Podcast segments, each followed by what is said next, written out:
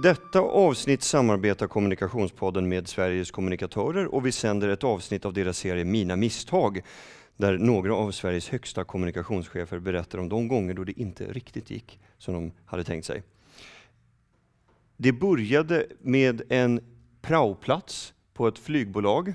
Nu, får du, nu, nu står du mitt emot mig Charlotta, så du får gärna rätta mig om ja, Men, men det, det, var väl så det började, va? hoppas jag. Eh, eller det började ju långt tidigare, men karriären eh, började på en praoplats på ett flygbolag som ledde drömmarna till SAS. Ja. Och efter 15 år i Janne Carlssons familj så letade du dig vidare och fick marknads kommunikationschefstitlar på bland annat OMX-börsen, eh, Telia, Mannheimer Swartling bland andra. Och idag ledarskapskonsult och delägare i Stardust Consulting. Och dagens gäst, inte minst. Välkommen till programmet Charlotta Wikström. Tack. Du, eh, det här avsnittet kommer ju att handla om dina misstag. Hur, hur, har, du, hur har det varit att välja ut dem? Eh, ja, det har varit eh, kul. Eh, roligt att få lite tid att reflektera vilket man inte alltid gör så ofta. Och, eh, men jag var faktiskt tvungen att trycka ut min CV, för jag såg att jag tänkte att jag har gjort så mycket olika saker genom åren, så jag var tvungen att rekapitulera lite mm.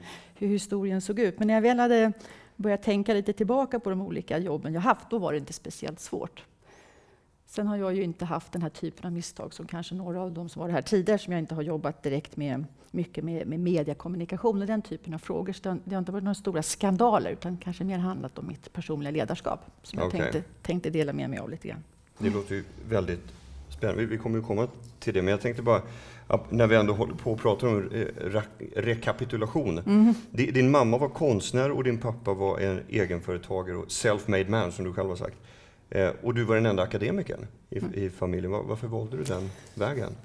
Ja, ehm, jag vet inte riktigt. Jag tänker så här att, precis som du säger, så pappa kommer från en entreprenörfamilj och mamma från en väldigt, hon var konstnär men också kom från en väldigt akademisk familj. Hon var lite svarta fåret. Så jag hade ju egentligen två val, att gå entreprenörsvägen eller den akademiska.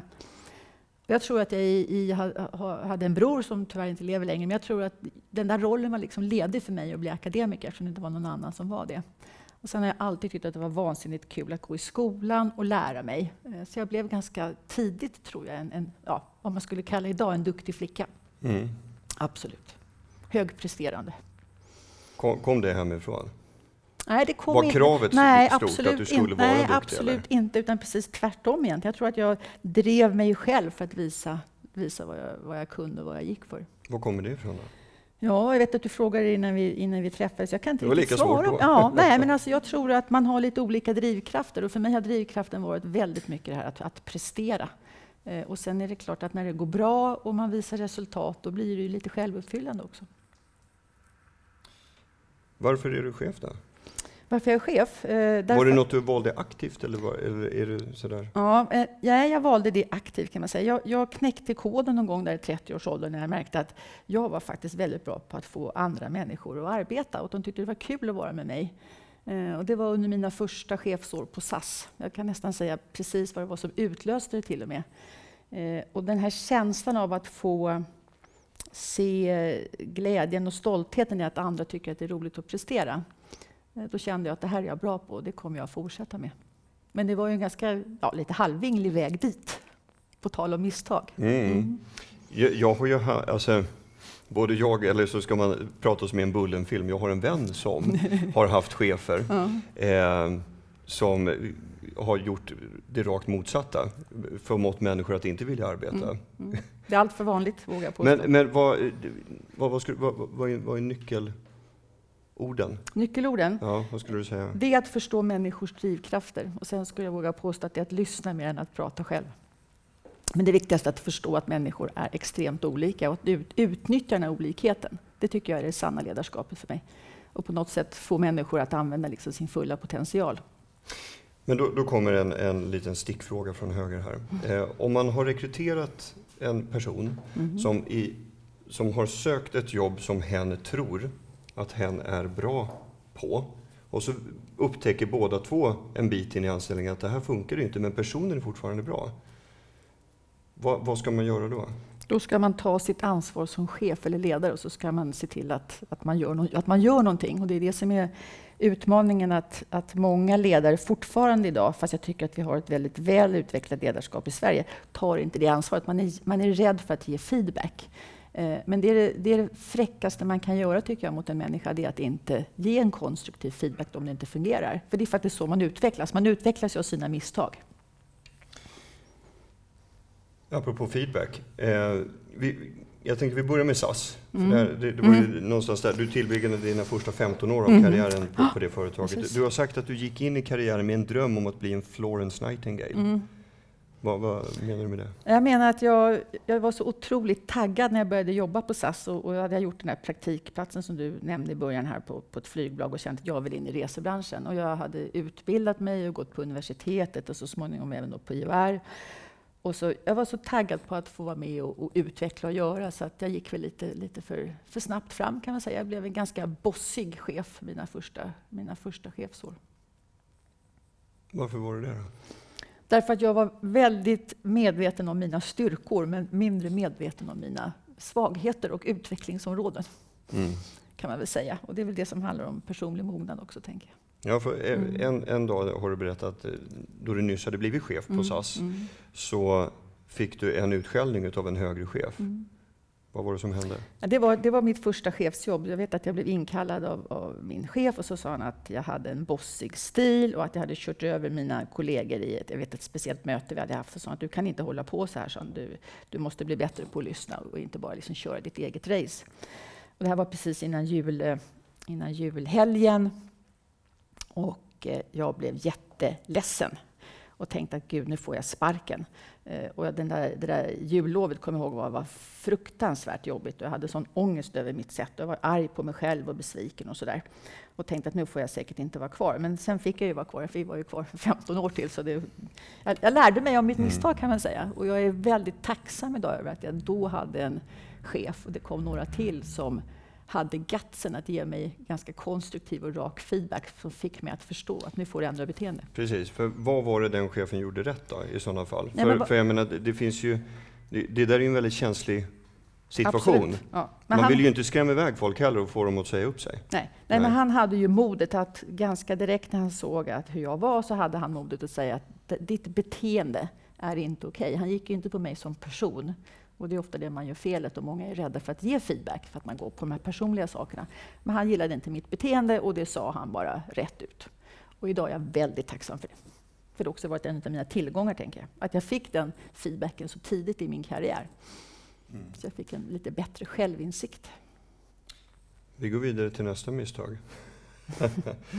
Du, på, på Telia, när jobbade du där? Det var, var, det direkt efter SAS? Eller? Mm, jag var på SAS i 15 år och sen ja. så tänkte jag att antingen är man kvar hela, hela livet på ett sådant företag eller så gör man någonting annat. Och så tänkte jag att livet är lite för kort, jag är lite för nyfiken, så någonting annat ska jag göra. Och sen för en lång historia kort så fick jag jobb som eh, marknadschef, marknadsdirektör på Telia Mobile som då jobbade med mobiltelefonutvecklingen.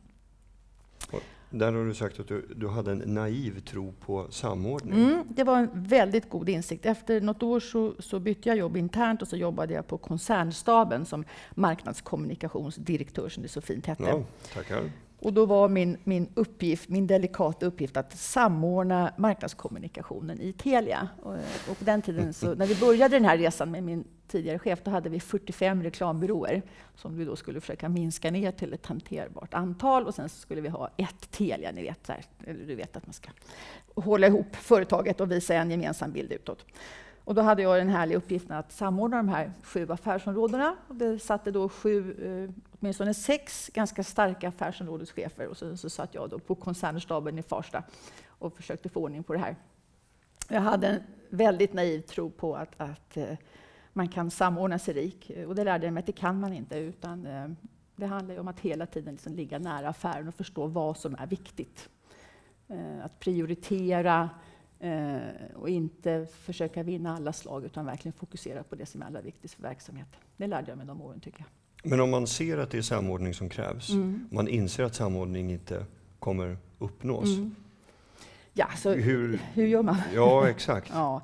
Nej, men jag, jag, slet, jag slet som ett djur de där åren, eh, återigen väldigt liksom, resultatfokuserad. Men jag, så här i efterhand, så när jag tittar tillbaka, så tycker jag att jag, eh, jag hade för höga ambitioner.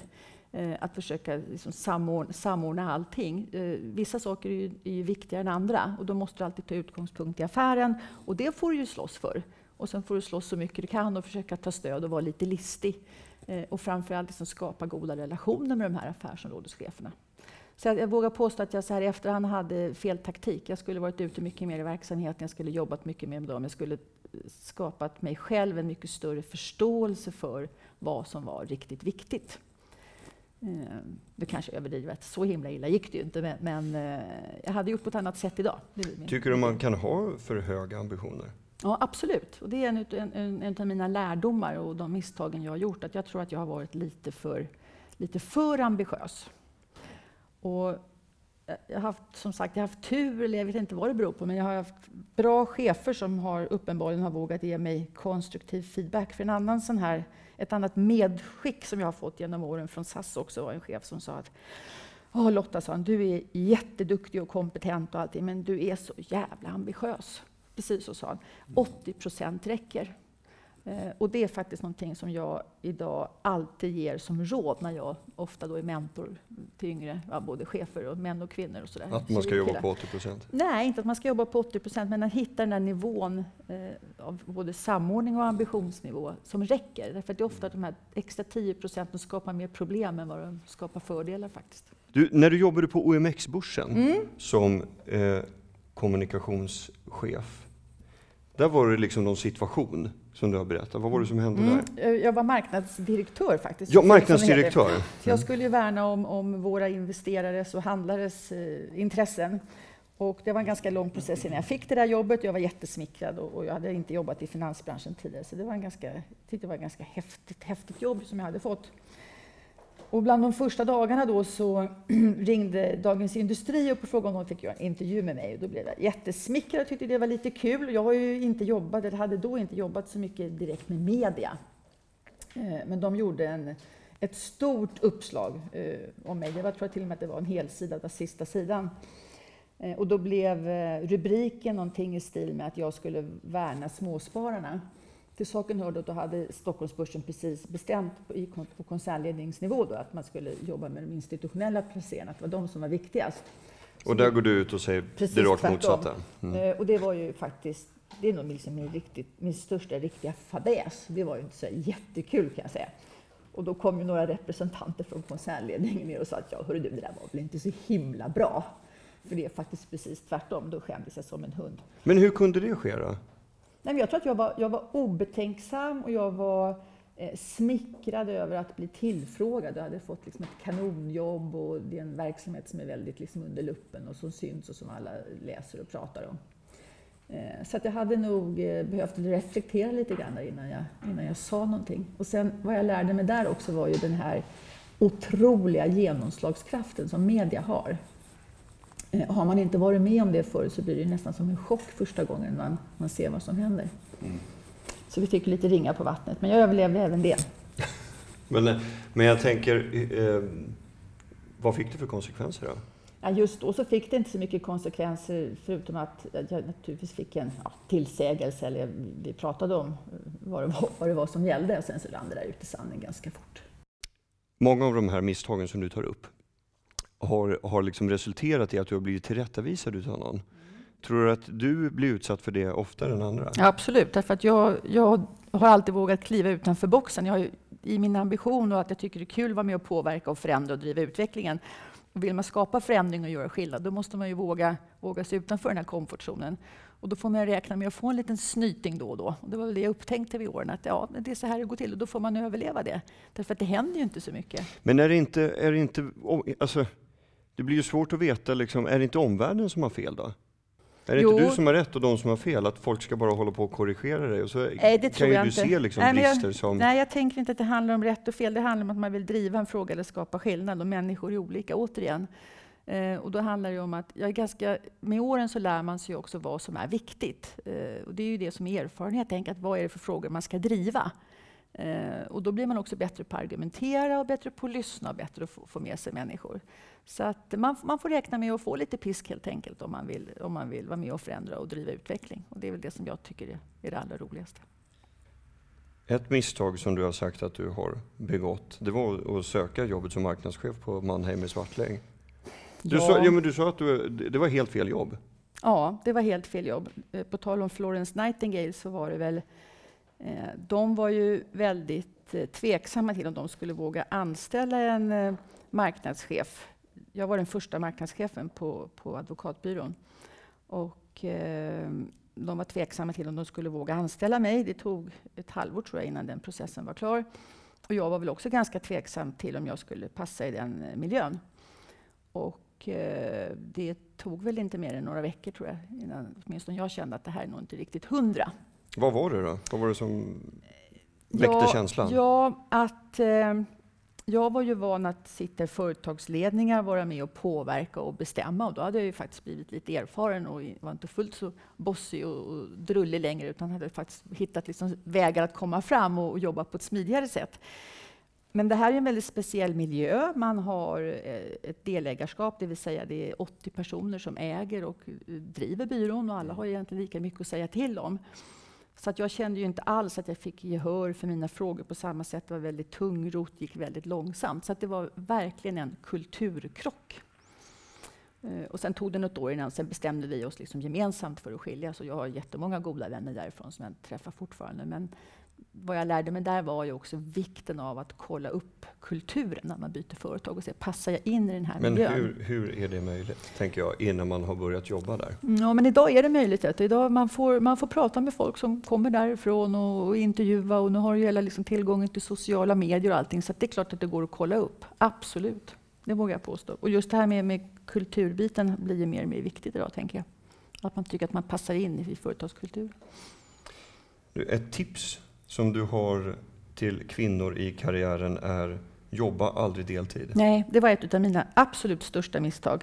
Och det var då när jag, hade, när jag var inne i den här samordningsprocessen på Telia och försökte få ordning på de 45 reklambyråerna och allt som jag tyckte spretade åt olika håll. Då, och så hade jag småbarn hemma och man och bil och villa och ja, inte vovve, men, men det mesta andra. Eh, och då gick det väldigt, väldigt fort. Och då tänkte jag så här, nej nu måste jag ta det lite lugnare. Eh, och då bad jag om att få jobba lite mindre, så jag gick ner på deltid, 70 eller 75 procent. Jag, jag kommer inte riktigt ihåg. Och det är väl också ett av mina absolut största misstag. Eh, och precis som du sa så säger jag alltid till mina eh, unga, både numera manliga och kvinnliga adepter, att vad ni än gör så jobba aldrig deltid. Det är en riktig, riktig kvinnofälla. Därför att vad som händer det är ju att du jobbar precis lika mycket som förut, men du får inte betalt. Och egentligen blir du bara ännu mer stressad. Så det var idiotiskt. Jag tror inte alls att jag blev speciellt mycket lugnare av det. Snarare lite mer stressad, om jag ska vara ärlig. Så det var ett stort, det var ett stort misstag. Vad, vad, vad ska du säga har, har stärkt dig i din roll som, som ledare? Vad har hjälpt dig på vägen? Mm. Alltså jag tror att det är de här misstagen. Alltså, vågar man inte göra misstag så utvecklas man inte. Jag tror att det är faktiskt så lätt. Och det är ju ingen, ni vet, du vet det gamla ordspråket att eh, man lär sig av sina misstag. Jag tycker att det är så. Alltså, vågar du inte sticka ut, vågar du inte testa nya vägar, vågar du inte visa vem du är, eh, då blir du kvar i din lilla box. Och det är inte alltid där man trivs som, som människa. Så att, eh, att, att våga och också att våga vara sig själv. Och det är klart att det tar ju lättare nu när jag är 57 när jag var 25 och började min chefskarriär. För det handlar ju mycket om att hitta sin roll. Jag jobbar ju mycket som, som mentor idag. Jag säger ofta det, att fundera på, och också mycket med ledarutveckling, att, att ni måste fundera på vad är, vad är det för typ av ledare ni vill vara? Alltså hur vill ni, om jag tänker i det här sammanhanget, kommunicera? Eh, hur vill ni uppfattas? Eh, och det tar ett tag innan man, innan man hittar det. Det är ingenting man bara skriver ner på ett papper och säger att så här ska jag vara, utan det är någonting som växer med åren. Att man hittar just det man är duktig på, eller det som har de starka sidorna. Och också har koll på sina svagheter, som jag tycker att jag har idag.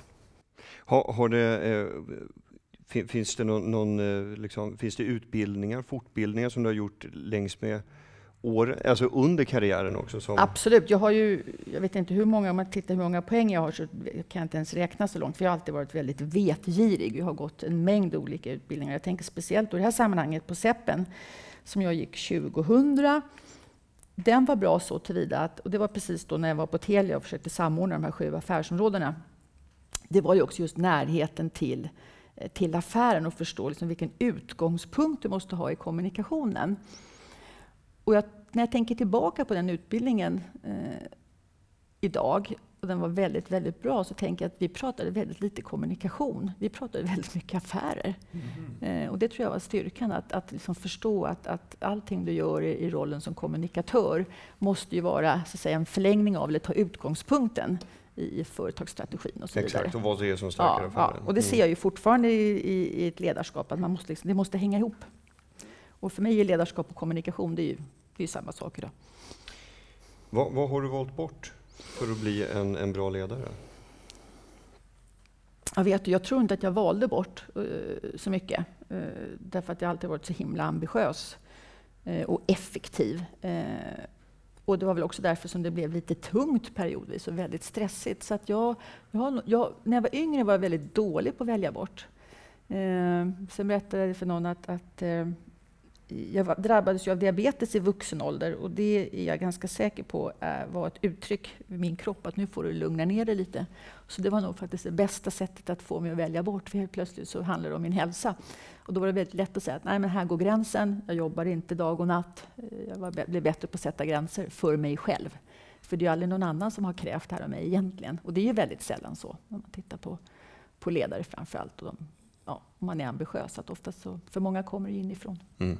En inventering ja, av vilka krav man ställer ja, på sig själv? absolut. Mm. Är det någon som har eh, frågor från auditoriet? Från auditoriet. Så får, får ni gärna ställa dem. Men där har vi en, vänta.